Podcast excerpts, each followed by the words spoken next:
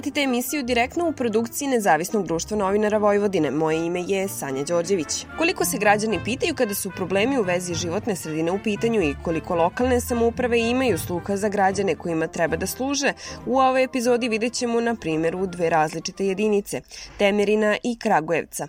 Ispred ekološke inicijative Temerin razgovarala sam sa aktivistom Nemanjom Obradović. Koji je trenutno najveći problem u Temerinu kada je ekologija u pitanju? Pa, problem broj jedan u, u opštini Temerin jeste kvalitet pijeće vode.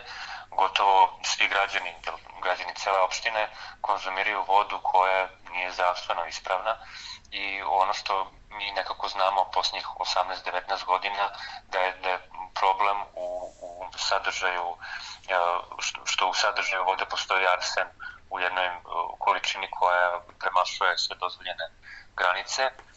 To je bio problem broj jedan zbog arsena, međutim, posljednje ispitivanja nam govore da u suštini voda mikrobiološki nije ispravna, tako da u njoj su u njoj u toj vodi se sad nalaze i, i sadržaj fekalnog porekla, tako da građani piju vodu koja se meša sa fekalijama i kako do, je došlo do toga, do toga je došlo tako što opština Temerin nema kanalizaciju, nema o, o, vodovod u, u koji se nekako pravovremeno ulagalo, pa, su, pa je cela ta infrastruktura u cele vodovodne mreže takođe ugrožena i onda dolazi do pucanja određenih cevi, do bitaka u mreži, do mešanja vode sa fekalnim vodama. Evo, podzemne vode su ih takođe ogroman problem, pošto mi smo jel, Vojvođanska opština koja ima bunare za vodosnabdevanje, gde jel, iz zemlje crpimo tu vodu, a onda pošto nemamo kanalizaciju, naše naše, da, da kažem, fekalne vode odlaze u te podzemne vode i tako dolazi do tih mešanja, zato su, su gotovo svi stanovnici opština ugroženi konzumiranjem vode koja je zdravstveno neispravna. Pored toga, jedan od velikih problema jeste vazduh, tačnije vazduh koji takođe nije zdrav po, po, po nije dobar po zdravlje građana. Mi imamo situaciju da nam osam puta godišnje gori temerinska deponija. Pored tih deponija mi u Temerinu imamo pošumljenost manju od 1%, što znači da mi nemamo ni dovoljno zelenih površina, ni zelenih oaza. Sve to ugrožava stanovništvo koje tu živi. Naravno, uz to saobraćaj koji je, koji se povećava iz godine u godinu, da ne postoji obilaznica oko grada, da svi ti izduvni gasovi ostaju u toj atmosferi u kojoj građani e, žive. Čista pijaća voda je osnovno ljudsko pravo i voda Tako je. je najvažnija stvar ovaj, za život bilo koji, ne samo ljudski. Koliko je opština Temerin raspoložena da se bori protiv tog problema? Evo, nažalost, mi ne želimo da odustanemo od, od, od te priče. Mi da se zaista prepozna ovaj problem da se tim problemom bavi. Ono što mi slušamo posljednjih 20 godina je ne postoji. I evo, posljednjih godinu dana kako smo aktivni, morali smo da vršimo pritisak medijski, da, da prvo da oni priznaju da, da mi imamo dokaze, da postoje analize koje kažu da voda nije zdravstveno ispravna. Ja, taj problem mora da se reši i opština je konačno pre ovaj, pola godine uh, izašla sa idejom idejnog projekta, pravljanja idejno, idejnog projekta za uh, fabriku vode, uh, misleći da će možda ta fabrika vode da reši taj, taj problem koji mi imamo sa, sa vodosnabdevanjem i kvalitetom vode. Međutim, dok, dok imamo situaciju ovakvu u kojoj ne postoji infrastruktura koja će da prečišćava i otpadne vode, kanalizacija ne postoji takođe u gradu. Vi sad i da napravite fabriku vode zbog, zbog nepostojanja te infrastrukture, mi ćemo svakako piti vodu koja neće biti zdravstveno ispravna. Tako da možda smo danas malo svesniji u odnosu na, na neki prethodni period da, da problem postoji, da smo ga negde priznali javno, ali o, još uvek ne postoje jasna rešenja ono što mi takođe apelujemo na, na opštinu da, da prosto i o građanima saopšte da voda nije za, za javnu upotrebu, nije za ljudsku upotrebu i da podhitno moraju na svim česmama, na svim mestima gde deca, mladi konzumiraju vodu, da stave obaveštenje da voda nije za piće. Mi, naš zahtev ide u pravcu da se to uradi u svim ustanovama gde su deca i mladi, a to su vrtići, škole, kulturne ustanove, javna mesta, restorani, kafići, znači u, u, u celom gradu gde ljudi mogu da dođu u kontakt sa vodom koja nije zdravstveno ispravna, da prosto postoji obaveštenje koje će jasno i nedvosmisleno upozoriti građane da ukoliko konzumiraju vodu, da, da budu svesni da ta voda nije za ljudsku upotrebu i da može da našteti njihovom zdravlju. Znači, nisu se udostojali ni da stave obaveštenje građanima da ta voda nije ispravna za piće. A koliko nisu su... i odbijaju da to urade. Odbijaju, aktivno odbijaju da to urade. Mi smo imali više zahteva ka njima da, da, da to urade i oni su nam otvoreno rekli da oni to ne žele. A koliko su inače otvoreni za saradnju sa građanima na ostalim ekološkim pitanjima? Pa mislim da mislim da generalno nisu otvoreni i da, da, da prosto, mislim to nije situacija samo u, u, u opštini Temerin, jel, u, opštini u kojoj ja živim, to je situacija, ja mislim, u, u celoj zemlji.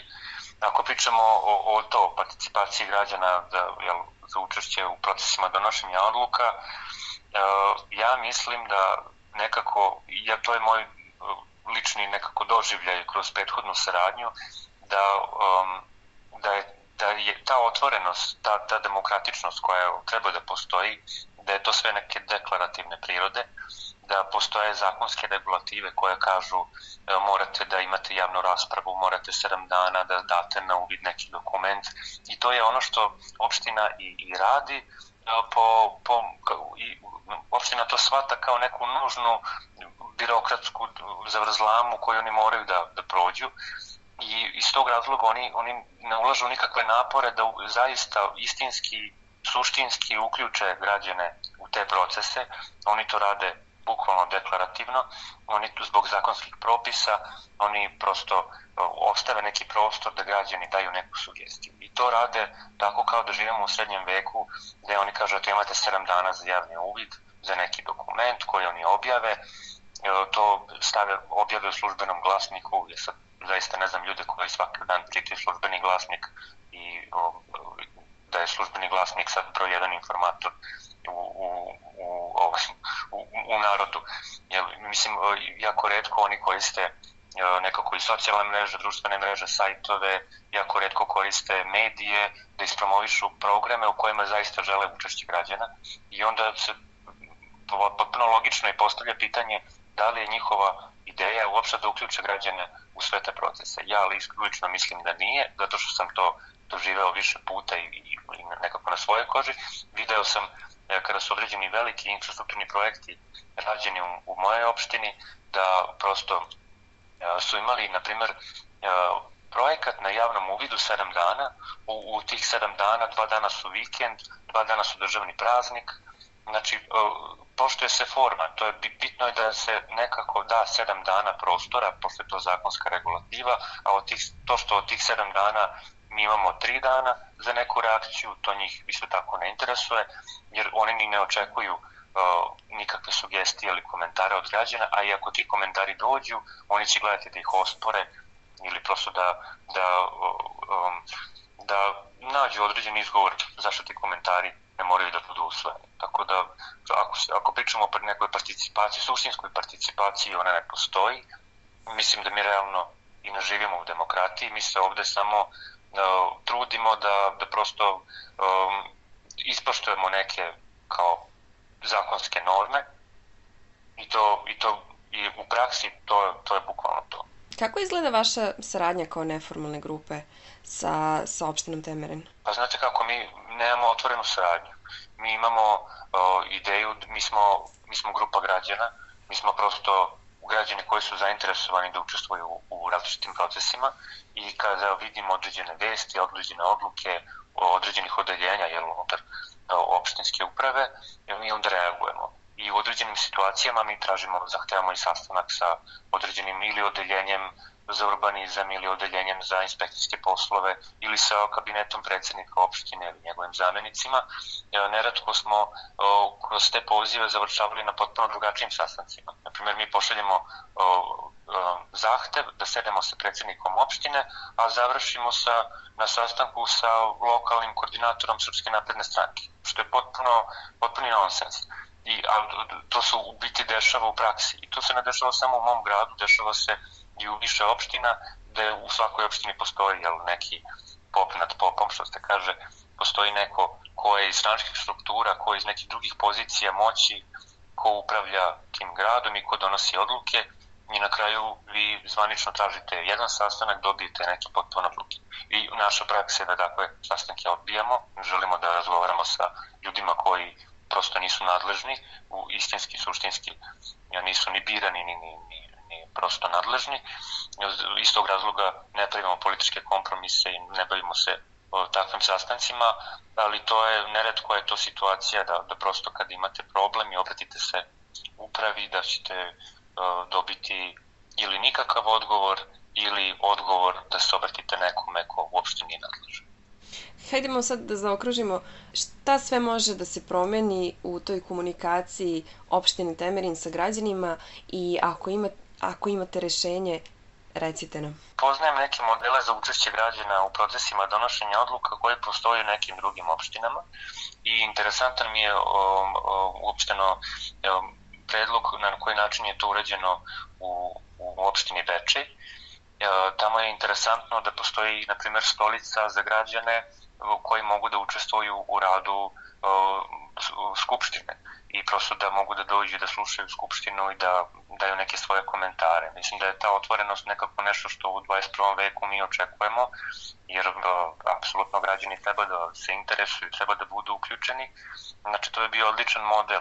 Postoji ta neka građanska stolica u, u okviru skup, skupštine, skupštinskog zasedanja, kako bi građani u istinu mogli i da dođu i da čuju i da vide i da zaista reaguju u nekim situacijama i da, da daju svoje neke argumente i komentare na određene odluke koje se donose na lokalnom nivou, pogotovo kada upravo skupštinsku većinu danas da čini ili jedna ili, ili dve partije na lokalu, što je sada nekako slika gotovo u celoj zemlji.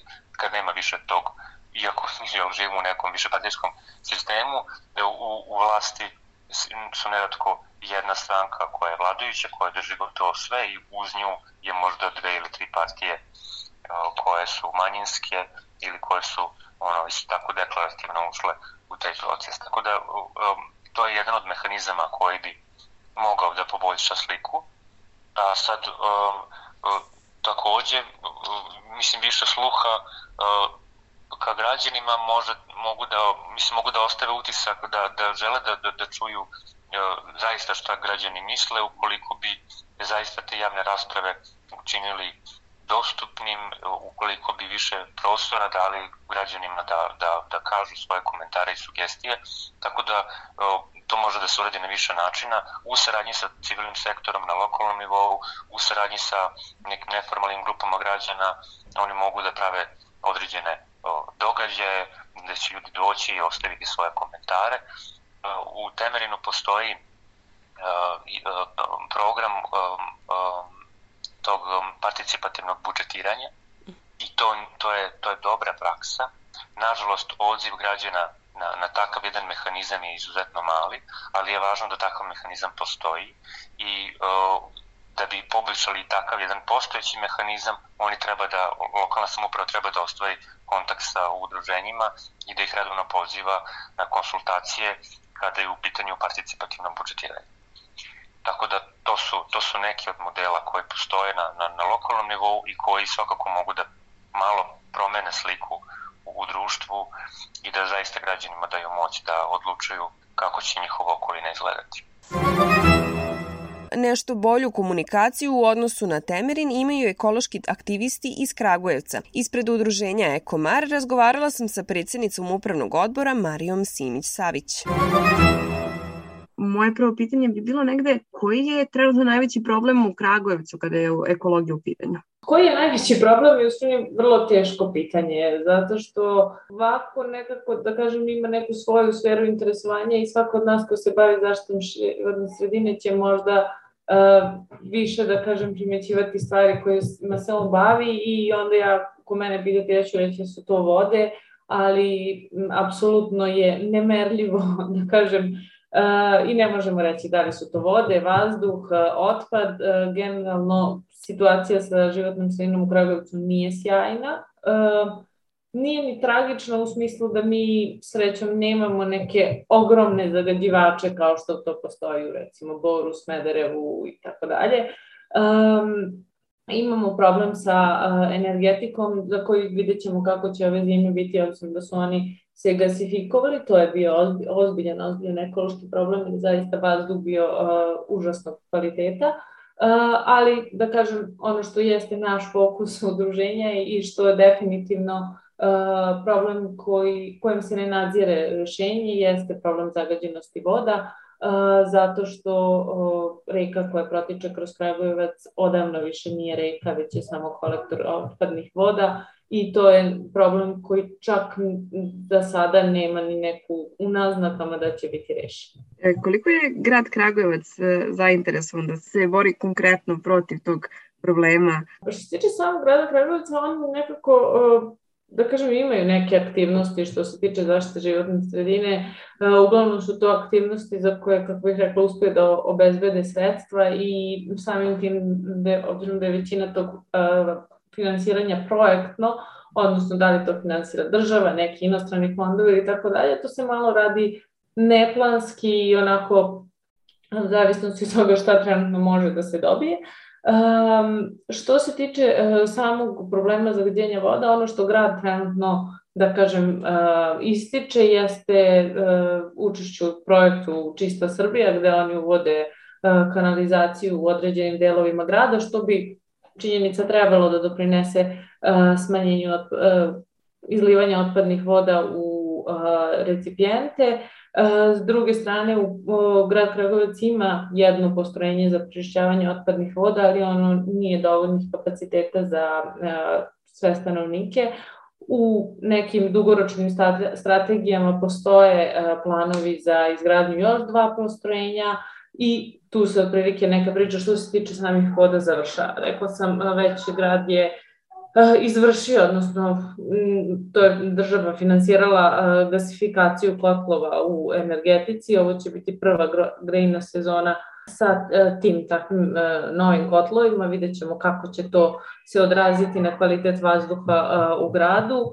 Ostaje problem pepelišta, za koje je grad pepelišta ispred same toplane za koje je grad raspisao javnu nabavku za uklanjanje tog pepelišta. Poslednji put kada sam provedila nije bio ni jedan uh, ponuđač, odnosno niko se nije javio na tu javnu nabavku jer je to ogroman posao i verovatno je količina sredstava koju su oni mogli da izabaju za to mala, ali kažem, možda nije potpuno uh, ažurirana informacija, možda se nešto promenilo umeđu vremenu. Uh, tako da kažem, eto, znači grad da kažemo nešto radi, ali ne postoji konkretan plan i ne rešavaju se problemi možda nekim uh, dobrim redom, nego da sve zavisi od toga zašto se obezbede sredstva. A koliko je Kragujevac e, zainteresovan za komunikaciju sa građanima? Koliko je otvoren za komunikaciju sa građanima kada je ekologija u pitanju? Pa što se toga tiče, grad Kragujevac onako na papiru prilično, prilično tačno obaveštava javnost i prilično, da kažem, obavlja sve ono što se po zakonu traži od njih. Oni redovno postavljaju obaveštenja o javnim uvidima, javnim raspravama, na sajtu grada. Sad, ono što je činjenica jeste da to za ljude koji se prosto ne bave tim problemom jako često nije dovoljno transparentno, jer ja, osim nas kojima je, da kažem, to sfera interesovanja, ne znam koji jutru prvo otvori oglasnu tablu grada, Uh, tako da, da kažemo, zakonski ispunjavaju svoje obaveze, ali bi definitivno trebalo da porade na transparentnosti. Uh, za većinu javnih rasprava u oblasti zaštite životne sredine koje su bila održane u prethodnim godinama na kojima smo mi učestvovali, Postojali su javni pozivi, ali je učešće građana bilo jako, jako. A koliko ste vi kao organizacija ekološka zadovoljni tom otvorenošću grada Kragujevca? Kako bih rekao, obližno, mi smo organizacija koja već dugo sarađuje, odnosno radi u toj oblasti. Mi nekako od grada dobijamo informacije možda više nego što dobijaju ostali građani mi se trudimo da na našim društvenim mrežama te informacije uh, prenesemo. Evo, danas smo baš uh, objavili podatak da je objavljen javni poziv za učešće organizacija civilnog društva u, u radnoj grupi za izradu programa zaštite životne sredine grada Kragujevca koji se pravi za nared, period narednih 10 godina. Uh, kako bih rekla, uh, organizacije koje su već duže u tome znaju gde da traže informacije, postoje određene mailing liste preko kojih se informišu, ali mislim da prosto transparentnost ka široj javnosti nije dovoljno uh, velika zato što samo objavljivanje na sajtu grada nije definitivno dovoljno da to vidi veliki broj građana. A kako izgleda vaša saradnja sa, sa Kragujevcom? Pa ja moram, da smo mi do sada imali sa službom za zaštitu životne sredine korektnu saradnju, da smo imali čak i neke uspešne inicijative, odnosno da smo uspeli da unapredimo određene javne politike i recimo lokalni registar za koji smo imali inicijativu, zatim saradnju u oblasti zaštite vode i tako dalje. Tako da mi nismo sa njima imali neki sukob i nismo imali, da kažem, problem sa tim da ne možemo da dobijemo neke informacije. Što se tiče civilnog društva, uglavnom su bili poprilično otvoreni. Na koji način vi komunicirate? Mi komuniciramo sa njima putem maila uglavnom. Mailove prosleđujemo u službi za zaštitu životne sredine, odnosno načelniku uh, službe za zaštitu životne sredine Draganu Marinkoviću. Od njega zaista uvek dobijamo neki odgovor, nešto slabiju, odnosno nešto sporiju komunikaciju imamo recimo sa članom gradskog veća, ali i sa njim prosto može da se uspostavi komunikacija, samo prosto na nekom, malo to ide sporije. Mi za sada, za sve što nam je bilo potrebno, nismo imali potrebu da šaljemo zvanične zahteve za pristup informacija od javnih značaja, već smo prosto kroz tu mail komunikaciju uspevali da dobijemo informacije koje su nam potrebne. Poslednje pitanje bi bilo negde šta bi te komunikaciji sa građanima kada je ekologija u pitanju grad Kragujevac mogao da popravi? Definitivno uh, smatram da sve te vesti koje se objavljuju na sajtu grada bi morale da budu prenešene i preko drugih medija, što delimično se ponekad i desi i definitivno mislim da bi neka vrsta društvenih mreža i komunikacija sa građanima preko društvenih mreža doprinela radu gradske uprave. Ova emisija realizovana je uz finansijsku pomoć programa tranzicione saradnje Republike Češke.